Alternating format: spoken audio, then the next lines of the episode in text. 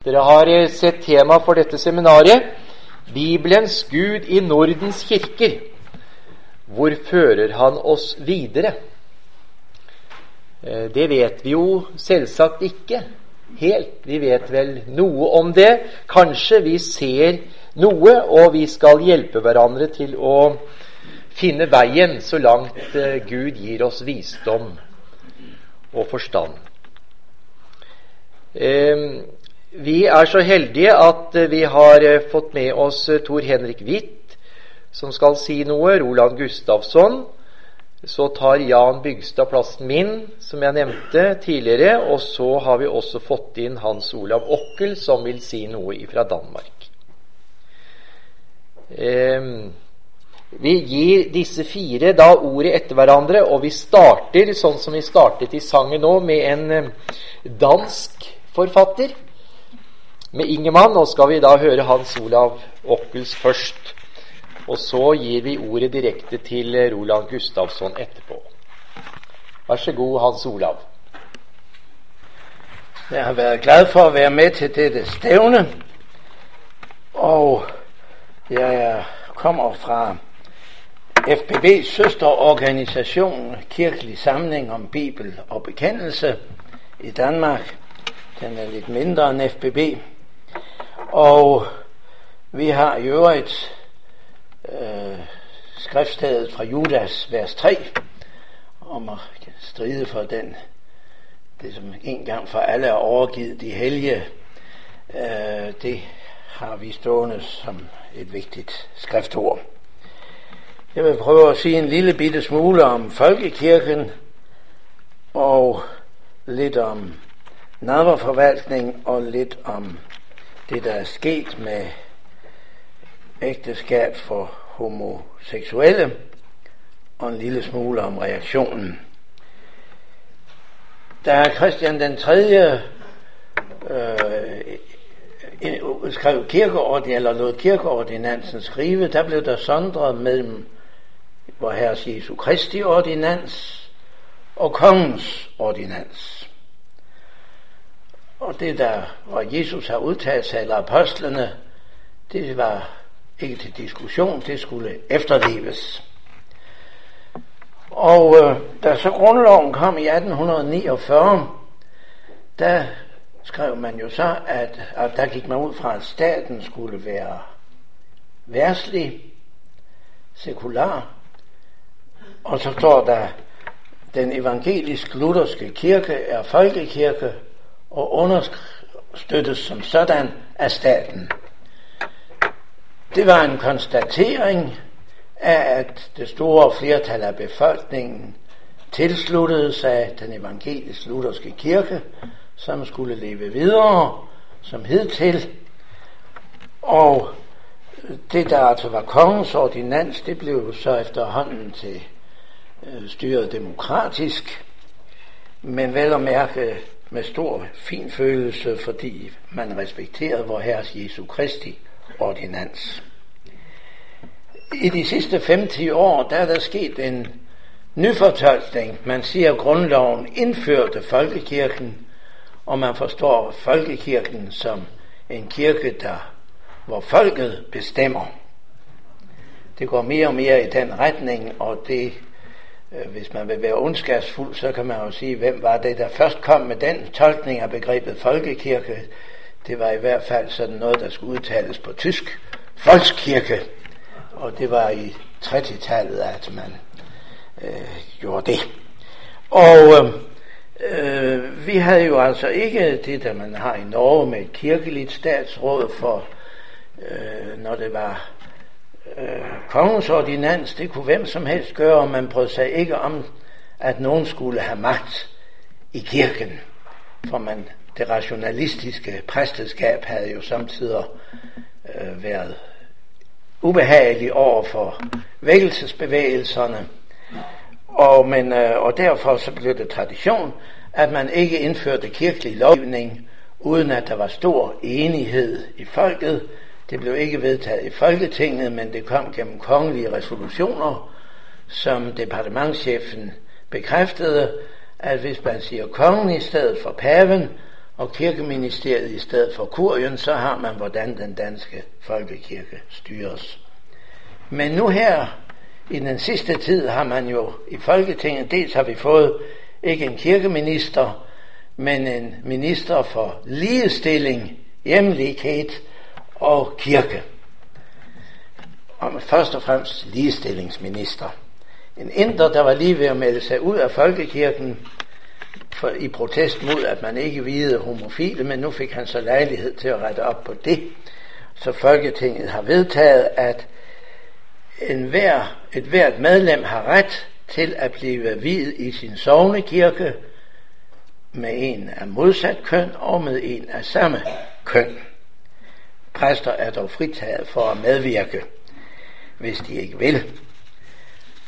Men biskopperne følte sig forpligtet til at øh, lave et ritual. Otte af de ti biskopper går mere eller mindre ind for et sådan ritual, fordi det er jo Folketinget, der er øverste bestemmende myndighed i folkekirken, også i indre spørgsmål. Det var lidt om folkekirken, så lige ganske få ord om øh, nadverforvaltning. Jeg skal kun sige én ting, og det er, at det er ved at blive moderne i visse kredse at indbyde alle til nadverbordet. Og at det så, det der er ved at ske i visse kredse, at man indbyder muslimer.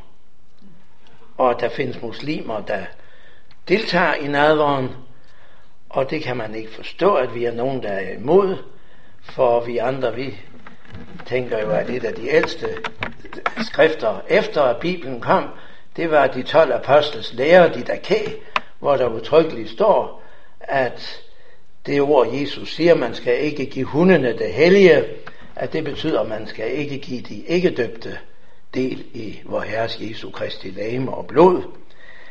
Det skal, de skal lige først komme til tro og blive døbt. Nadveren er ikke et missionsmiddel, men det er snarere et mål for mission, at man kommer til tro, bliver døbt og så kan få sin plads ved nadverbordet. Så vil jeg sige lidt om reaktionen, der er kommet på øh, dette med homoseksuelle ægteskaber. Øh, det er svært at lave en enhedsreaktion.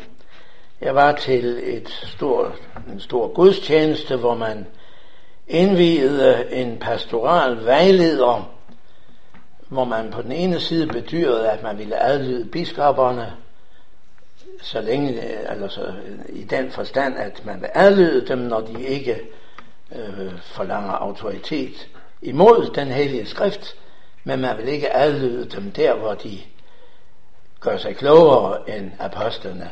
Københavns biskop har udtalt om homoseksualitet, ja, apostlen kalder det for synd, vi kalder det for kærlighed. Så kloge biskopper vil vi ikke have, der er klogere end apostlene. Men så indvidede man altså sådan en pastoral vejleder, der skulle være supplerende i forhold til biskopperne i sovnemenigheder og valgmenigheder, og som skulle kunne ordinere præstevi øh, kandidater til frimenighederne. Det synes vi i kirkelig samling er lidt en halv løsning. Øh, vi er opmærksom på, at Kirkelig Forening for Indre Mission øh, accepterer, at det kan være nødvendigt med frie menigheder, men samtidig en betænkelighed ved, at man gør det til en ideologi, at man vil have hele menigheder, hvor man splitter missionsforeningerne, sådan at øh, der virkelig opstår splittelse. Og øh, øh, nu er altså situationen den, at der danner sig en masse, der er mange, der melder sig ud af folkekirken i disse måneder, og mange danner frie menigheder, nogle er karismatiske, nogle er øh, sådan lidt reformeret præget, hvor man kasserer salmebogen og alderbogen, og i stedet for går ind for det spontane og det angelsaksiske vækkelsessang, som man kan jo godt synge, men ikke på bekostning af Kingo, Brorsen og Grundtvig. Og efter vores mening. Og øh, der er heller ikke enighed med dem, der stod sammen der om den pastorale vejleder. han bruger saft og vand ved nadveren, og det er vi nogle stykker, der synes, at det er godt nok sådan, som Jesus indstiftede den hellige nadver. Og øh, andre af disse vejledere går ind for, at man behøver ikke at, det behøver ikke at være indvidet. Alt det, man uddeler, det er vi heller ikke enige i. Jeg var til stede, men ikke i præstekjole, for jeg ville stå sammen med dem i protesten mod den nye lov, men ikke i deres forsøg på at lave en positiv løsning. Og det er jo svært at for Dan- i Danmark at blive enige, for det er, som det hedder en folkevise, der er så mange i Danmark, som alle vil herre være. Derfor er der splittelse.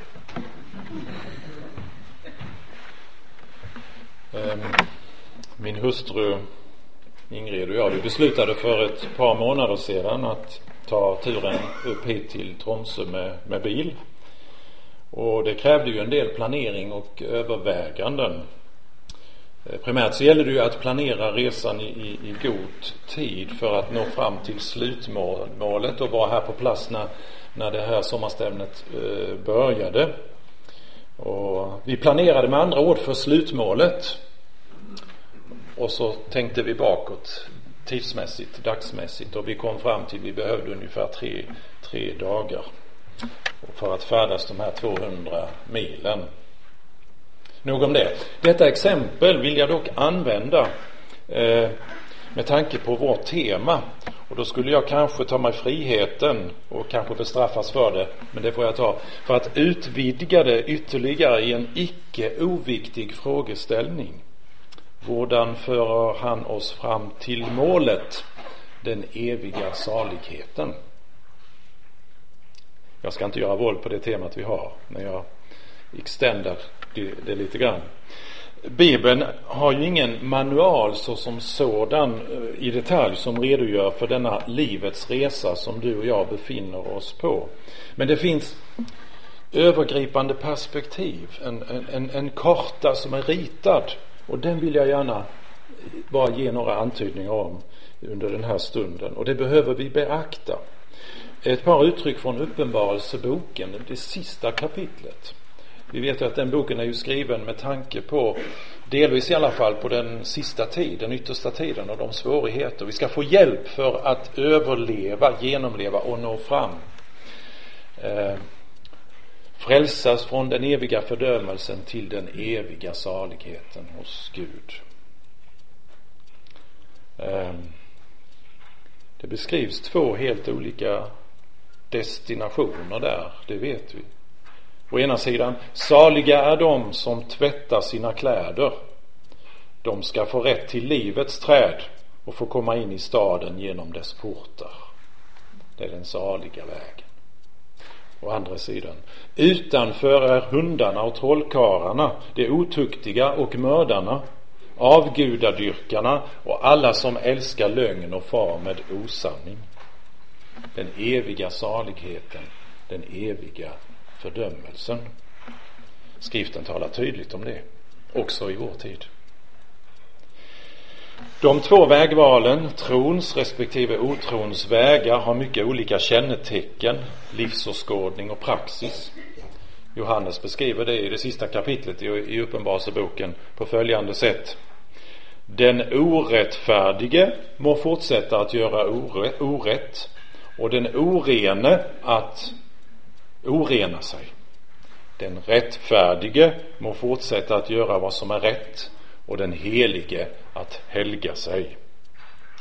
Och detta ord är, tycker jag, relevant mitt in i den kyrkokamp vi befinner oss i dagens läge i våra nordiska länder. I större eller mindre grad i alla fall. Kristi kyrka värnar om rättfärdighet och helgelse, för att följa apostelns uttryck. Antikrist kyrka om orätt och orenhet. Och vad kännetecknar då Kristi kyrka i alla tider? Enligt ordets utsago. Jo, det står i samma kapitel flera gånger. Håll fast vid ordet. Lägg inte till något, ta ingenting bort därifrån. Och tar vi ett steg tillbaka i Uppenbarelseboken i kapitel 3 så talar Herren till genom Johannes til Filadelfia-forsamlingen, og den beprisas for hva da? De har tatt vare på Guds ord og ikke forneket hans namn. Kjære vänner, denne gudgivne manual, den store kartan som er ritet for å nå lykkelig fram og hem, den, den bør vi ha som en eldskrift framfor oss personligen och i kyrkokampen dag för dag. I kampen så kommer själafienden till oss både som ett rytande lejon och som en ljusets ängel. Och målsättningen är, det vet vi, inte att frälsa oss men att föröda oss, att vårt liv ska gå till spillo för tid och evighet. Att vi ska gå miste om den eviga saligheten. Och taktiken som han använder är förrädisk. Vi har hørt redan, vi vet, skulle Gud verkligen ha sagt. Kompromissa ett viktigt ord i hans agenda. Bara lite, ofta framställt med fromma termer. Men Herren Gud sanktionerar inte några kompromisser. Inte ens när de är fromma. Anpassa er inte efter den här världen, säger aposteln, utan låt er förvandlas genom sinnets förnyelse så att ni kan pröva vad som är Guds vilja, det som är gott och fullkomligt och det som behagar honom. Paulus säger på ett annat ställe, gå inte som omaka par i ok med de som inte tror. Vad har väl rättfärdighet med orättfärdighet att göra? Eller vad har ljus gemensamt med mörker? Och så vidare. På sätt och vis kan vi säga att några av dessa perspektiv fanns i bakgrunden när missionsprovinsen i Sverige och Finland bildades år 2003.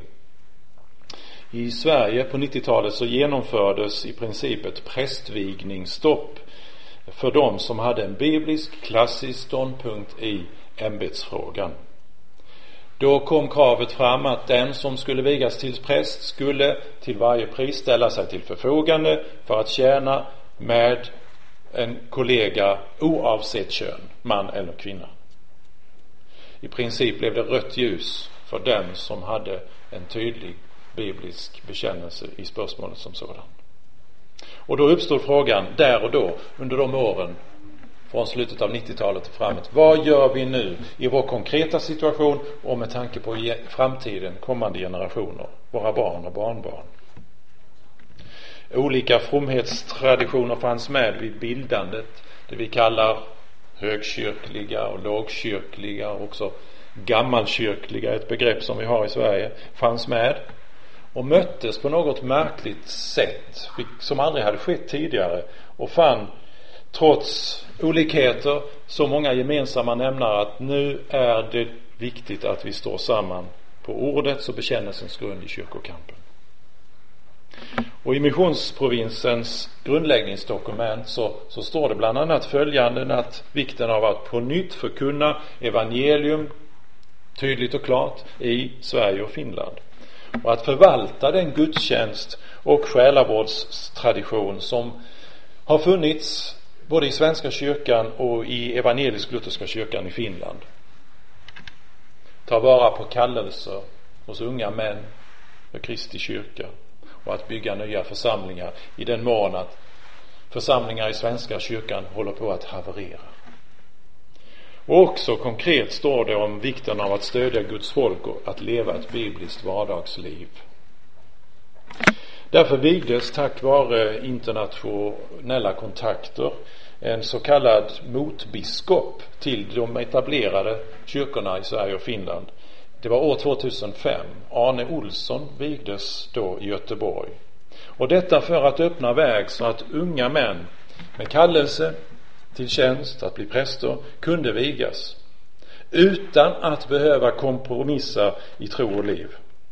Och också i syftet att etablera alternativt gudstjänstfirande enligt biblisk ordning. Och sedan dess, alltså 2005, så har vigningar skett enligt god apostolisk ordning både i Sverige och Finland. Biskop Arne var 75 år när han vigdes för år 2010 så trädde han tillbaka och då fick jag kallelsen att gå in i den tjänsten efter honom. Det finns också två assisterande biskopar i Sverige och för två år sedan så vigdes också en biskop för Finland då som etablerar sig allt mer som ett självständigt stift. Och under dessa fem åren så har ungefär 30 präster i Sverige och Finland, företrädesvis unga män, vigts till tjänst. Eh, och de flesta har också gått in i eh, församlingar, koinonier som vi kallar det, mindre gudstjänstsammanhang, på hel eller deltid. Och eh, missionsprovinsen i Sverige och Finland betjänar idag ett tiotal församlingar i Sverige och det är fler i Finland. Det har vuxit betydligt starkare och snabbare i Finland. Behovet har varit så påtagligt och där är 25 mindre menigheter nu. Och syftet är att när vi ser ruinerna av folkkyrkorna etableras, vilket vi tar del av med sorg och saknad, så kan vi inte bara sitta stilla och anpassa oss till döds. Gud hjälpe, Gud förbjude. Vi måste stå upp på ordets och bekännelsens grund och bekänna den och avstå från falsk lära.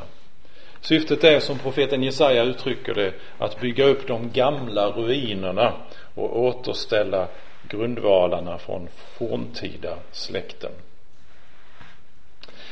De internationella kontakterna är viktiga. Vi är glada för kontakter i olika sammanhang här i, i Norge. Eh, inte minst genom kontakterna med valgmenigheterna här i Nordnorge. Vi har också kontakter med Danmark i någon mån, inte så mycket kanske som er i Norge. Också kontakter med de baltiska länderna, Tyskland, USA och Kanada. Och i Afrika, inte minst genom den evangelisk-lutherska kyrkan i Kenya vars biskop har ställt upp vid samtliga biskopsvigningar i Sverige och Finland inklusive när vi hade Tor Henriks eh, installation, eh, biskopsvigning här i Tromsö i mars i år. Bibelens Gud i Nordens kyrkor, vår för han oss vidare? Ja, jag vill sluta med att gå tillbaka till den stora kartan och inte mer gå in i detalj här. Fortsättning följer från er övriga. Men jag vill igen lyfta fram den här, det här stora viktiga perspektivet. Låt oss inte glömma bort evighetsperspektiven även när vi ska handla här och nu. Vi har en tendens att det har fått stå tillbaka tror jag. Jag minns när jag växte upp så, så kunde jag ju höra förkunnelser rätt ofta och uttrycket Se till att du kommer igenom denna tiden och världen med en frälst och bärgad själ. Känner ni igen det uttrycket? Ja, det används fortfarande, men jag tror det var, det var mer tydligt sagt förr. Vi är nu väldigt nutidsorienterade här och nu. Men Bibeln har detta stora evighetsperspektiv. Gör allt i din situation här och nu i ljuset av det som ska komma. Livets resa, det kan vara kort eller det är långt. Planera det utifrån slutdestinationen och tänk bakåt så att säga. Det var det vi forsøkte å gjøre når vi eh, planerade för og och Gud bevarade oss på vägen och vi nådde lyckligt fram och vi hoppas och ber att det blir samma sak på vägen hem. Men också i livets viktigaste resa att det slutar i den eviga saligheten och inte i förtappelsen. Gud förbarmar sig. Missionsprovinsen har också en publikation som ser ut så här, ett sändebrev som kommer nio, tio gånger om året och det finns några ex nere på bordet där. Erik eller Gunnar som eh, är här på plats och även Tor Henrik tillhör prästkollegiet i missionsprovinsen kan också vara med och förmedla adresser och så så att eh, ni ska gärna få prenumerera på det fritt och både via e-post eller vanlig post. Mye av det vi har vært sammen om eh, disse dagene, har eh, vært preget av dette at vi lever i en eh, åndelig situasjon som er preget av dyp, dyp forvirring. En forvirring som både gjelder eh, hele kulturen vi lever i, men også hele kristenheten. På mange måter så tror jeg at dette har sin rot i at vi også lever i en overgangstid. Vi lever i en tid der vi er på vei fra en bestemt kultursituasjon til noe som er noe helt annet og noe helt nytt. Det er en overgangsperiode som har vart i 200 år, eh, der bevegelsen begynte bort fra den gamle kristne enhetskultur som har preget Europa helt fra Konstantins tid av på 300-tallet, der vi nå er på vei til en helt ny situasjon, der det ikke lenger er det gamle forhold mellom kirke og folk, mellom konge og kirke. Vi står ved avslutningen av den konstantinske æra, sier man gjerne. Eh, dette er et tema vi har vært mye opptatt av i et nettverksfellesskap som vi har vært sammen i en gang i året på Høgsveen, og der både Misjonsprovinsen og valgmenighetene her nord, DELK og FBB og et par andre eh, sammenhenger har vært representert. Og det er slik at når man er inne i en større overgangsfase, da vil alltid forvirring være noe av det som preger hele bildet, inntil man på en måte er endelig kommet over i det nye, og støvet begynner å legge seg. En del av denne forvirring, den eh,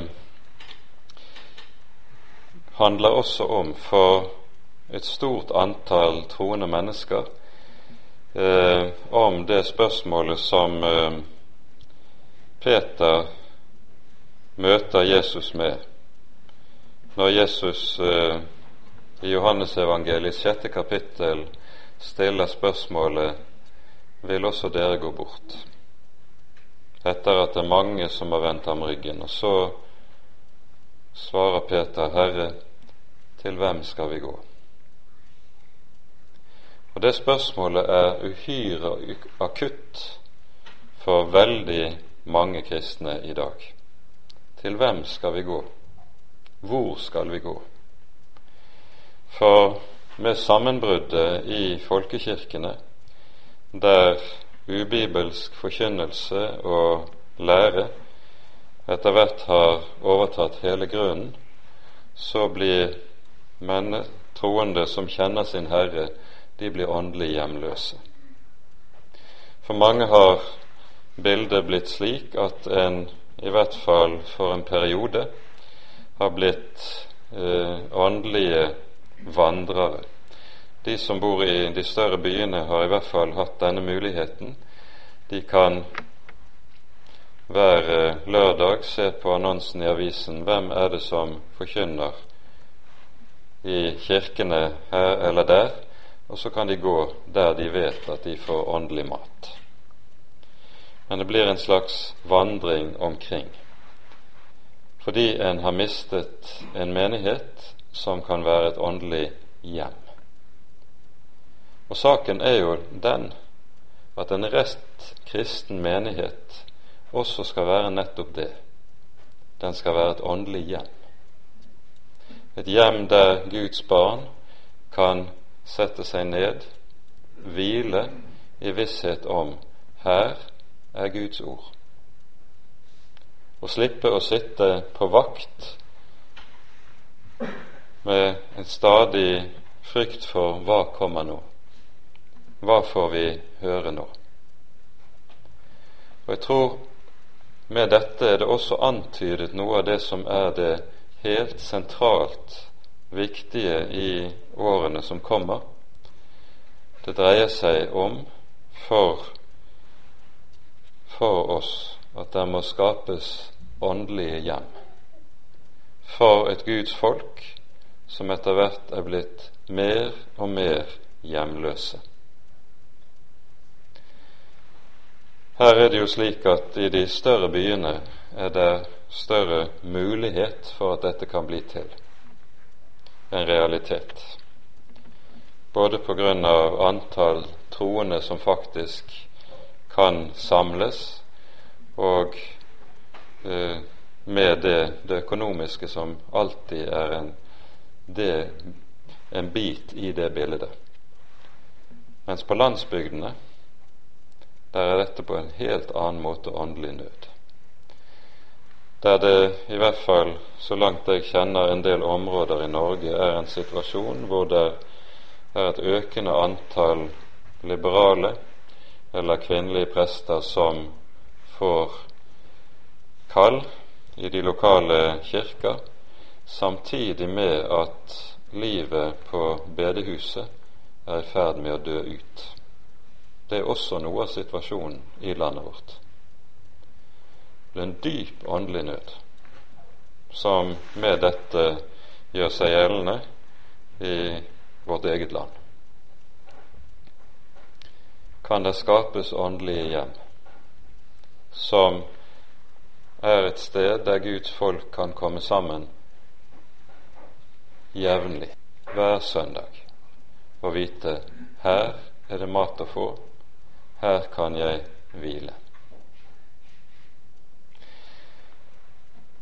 I den forvirring som råder grunnen i den tid vi lever i, så er det jo også slik at det er en mengde andre åndelige retninger som gjør seg gjeldende og roper høyt 'Kom til oss'.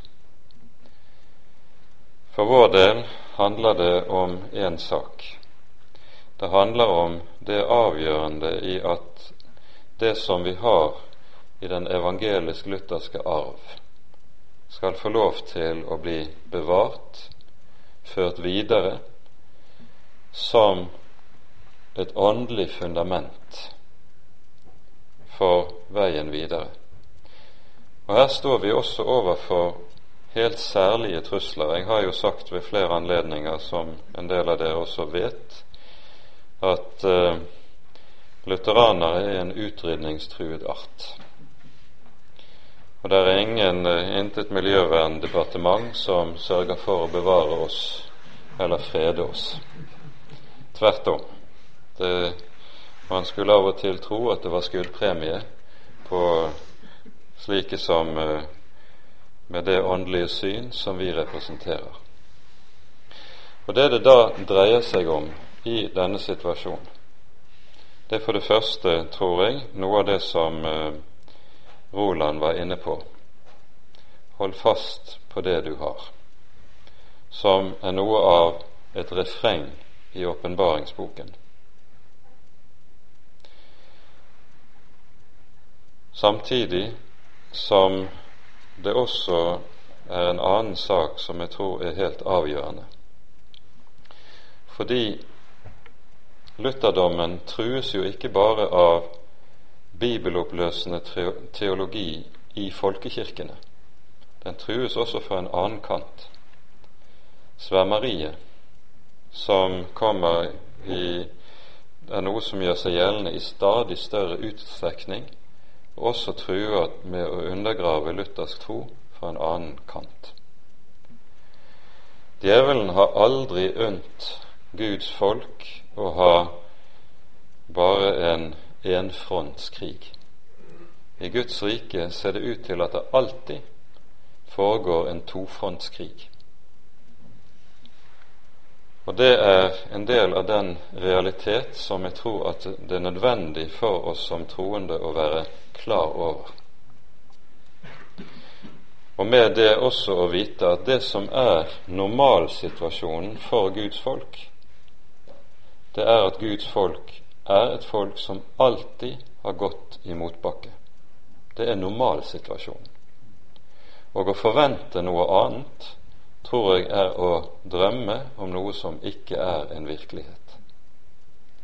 Normalsituasjonen for Guds folk er å seile i motvind. Og det må vi vite, og vite dermed også at frimodigheten i dette som er situasjonen vi lever i, ligger ikke i at får vi medvind, da kan vi løfte hodet.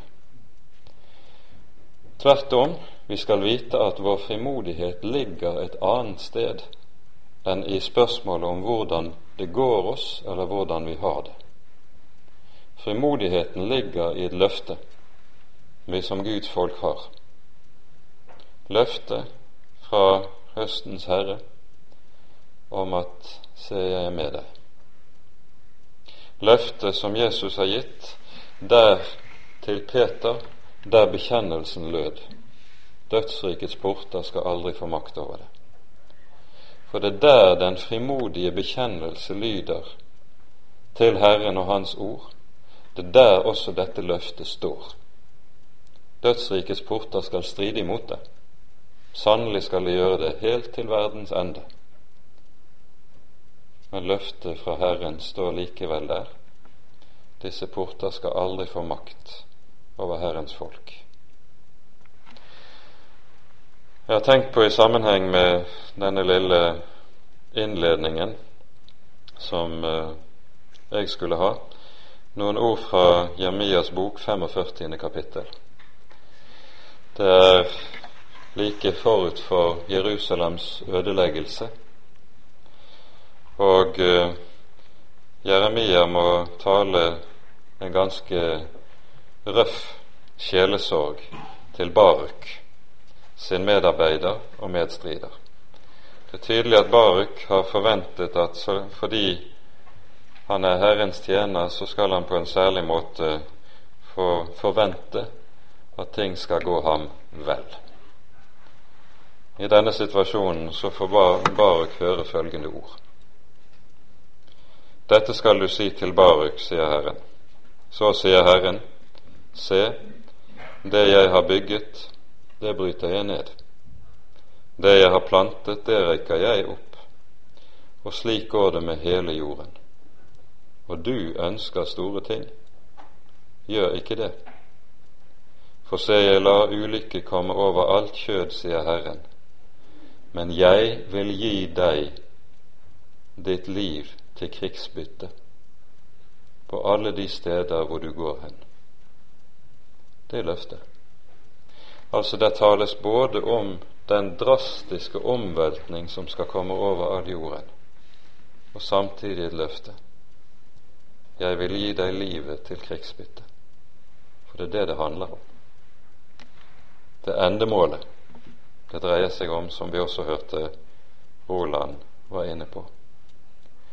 Og vi vet at vi har fått en arv, en arv i den evangelisk-lutherske tro, som nettopp klarere enn noe annet viser oss hvor livet er å finne. Så skal vi hjelpe hverandre i å holde fast på det. Takk. Bibelens Gud i Nordens kirker, hvor fører han oss videre?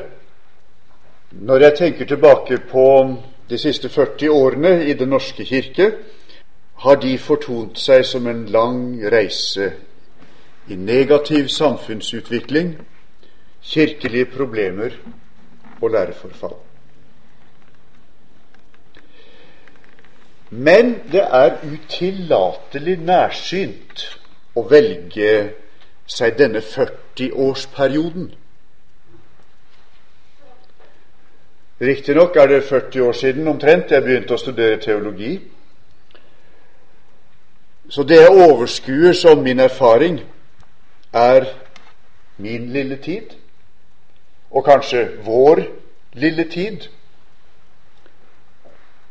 av Kirkens historie. Men forut for 1972 finner vi ikke gullalderen. Vår lille etappe av Guds historie med sin kirke kan ikke tillate oss å bli navlebeskuende. Guds kirke har alltid kjempet mot forfall, mot vrang lære og verdslig overmakt. Og langs de samme sporene vil Gud etter alt å dømme føre oss også videre. En kamp mot forfall, mot vrang lære og verdslig overmakt. Noe av det vi kommer til å kjempe med, ligner på det som Kirken har opplevd før. Kanskje til forveksling.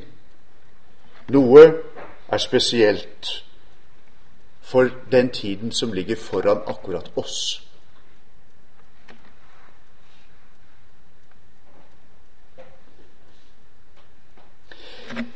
Jeg kommer ikke forbi at to trekk er nokså spesielle for det punktet som vi står på nå og ser framover fra. Utgangspunktet for vår vei videre med Gud. Det første og verste her i vår sammenheng er at vår stats lovgivning gjør det til en rettighet og en plikt for statens helsevesen å utøve grov vold med døden til følge mot samfunnets minste og mest vergeløse mennesker. De i mors liv. Det er så grotesk og så himmelropende urett at jeg tror vi verger oss for å ta det inn over oss. I en slik stat som vår, og midt i et samfunn som vårt, fører Gud oss fram som kirke.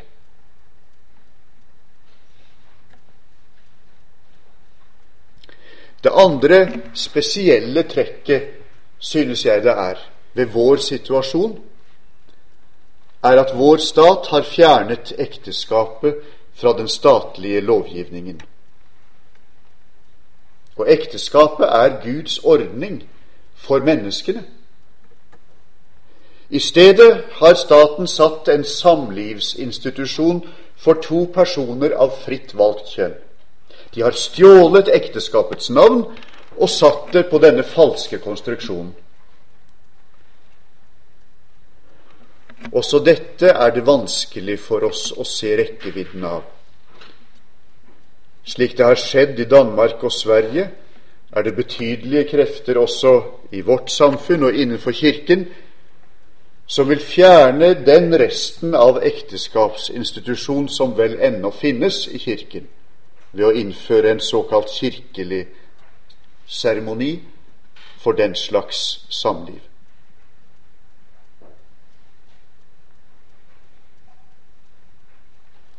Jeg må nok innrømme for dere at når inntrykkene av forfall i samfunnet og læreforfall i Kirken i min korte tid, de 40 årene, strømmer på. Og når jeg til en viss grad tar inn over meg de katastrofale forandringene som jeg nå har nevnt, så har jeg vel mere følt enn tenkt at Gud ikke har kontroll med den utviklingen som skjer rundt oss. Den som ligger bak oss, og som vi aner foran oss. Og jeg innser at det er vantroens tanker og følelser. For Gud er himmelens og jordens herre. Og han leder verdens historie mot det mål han har satt, og på den måten han vil. Det har biskop Roland også understreket for oss. Når vi ser hva som skjer i samfunnet vårt, i våre land i Norden, og rundt omkring oss i verden, så skal vi vite at det er Gud som lar dette skje. Han tillater det. Han lar det skje i våre skandinaviske land og andre steder i verden. Gud har ikke mistet kontrollen med sin verden. At det skjer, skal vi heller for det første, som Jan har minnet oss tydelig om i løpet av denne helgen, for det første se som en dom over dem som står Gud og det gode imot.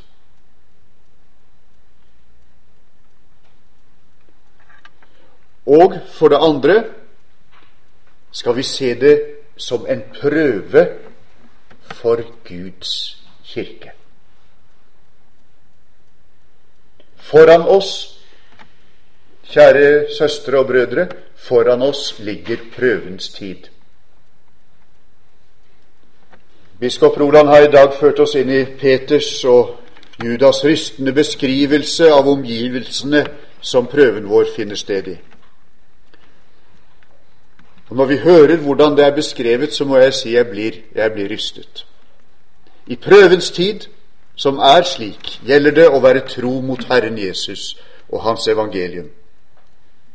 Og det gjør vi ved å bekjenne troen på den treenige Gud og holde fast på Guds ord. Midt i vår såpeglatt stylede og hygienisk blodige tid.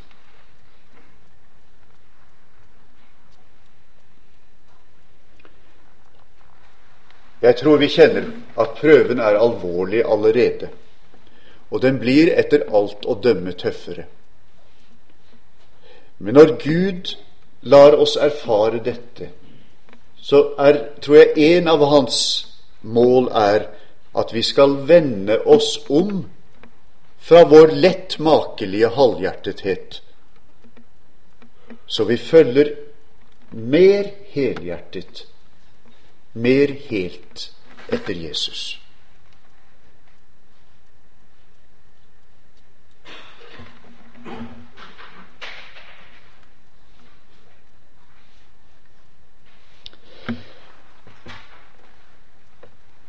Jeg skal våge meg på å, å, å tro noe om det som kommer.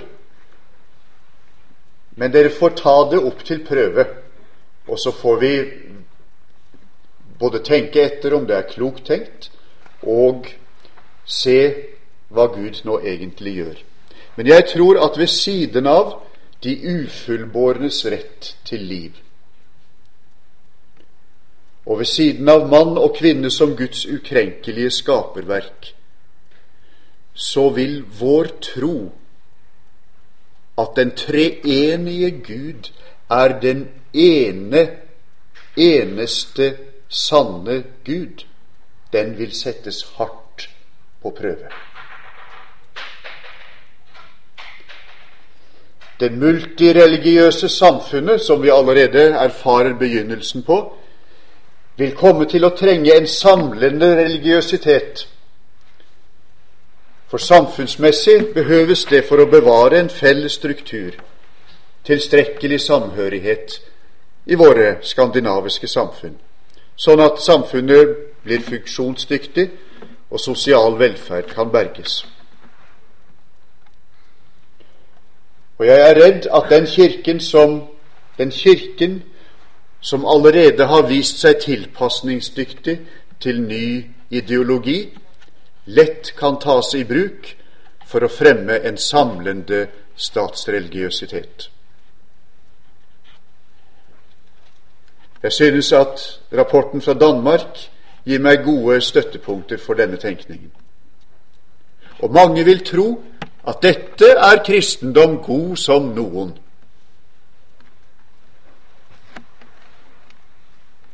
Mens de, for ikke å si vi, som nekter å delta i en slik utvikling, en slik bruk av Kirken til andre formål, lett kan stemples som samfunnsfiender. Og derfor må vi alt nå øve oss i å være lite tilpasningsdyktige, samtidig som vi er åpne overfor våre omgivelser og frimodige med evangeliet overfor folk i byen og i bygdene der vi lever. At Gud setter oss på prøve gjennom vår tids spesielle utfordring, skal vi sammen se på som noe stort og viktig. Det ser ut som han synes at vi er verd en ekstra utfordring. At han tenker at Den gode hellige ånd kan føre oss gjennom en slik prøve. Til gagn for mennesker rundt oss, her hvor vi lever i Norden, og til ære for Hans navn.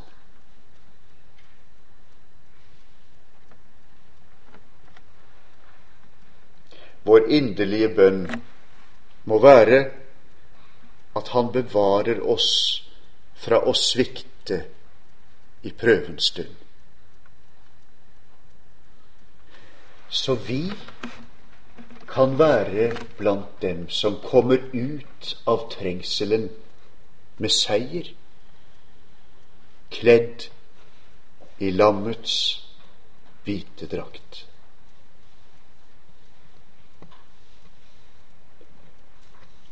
Og når vi så har et slikt unikt mål i sikte, og når vi altså har Åndens hjelp i vår nød, da kan vi faktisk være frimodige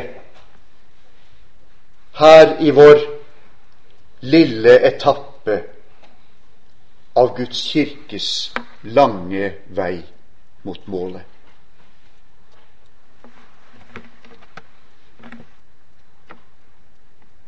Da kan vi synge med en tysk salme som Brorson har oversatt. Noen linjer har jeg tatt med her. En sang om vår vei gjennom denne tidens vanskelige terreng. En sang om vår vei i det vi oppfatter som en prøve for oss som kristne og som kirke. Hvor Gud meg fører, går jeg glad. Han, ikke jeg, skal råde. Jeg kaller alle tider hva min Gud meg sender nåde. Og så senere Ti fatter jeg et trøst imot. Guds vei, den er dog alltid god. Ja visst, den aller beste.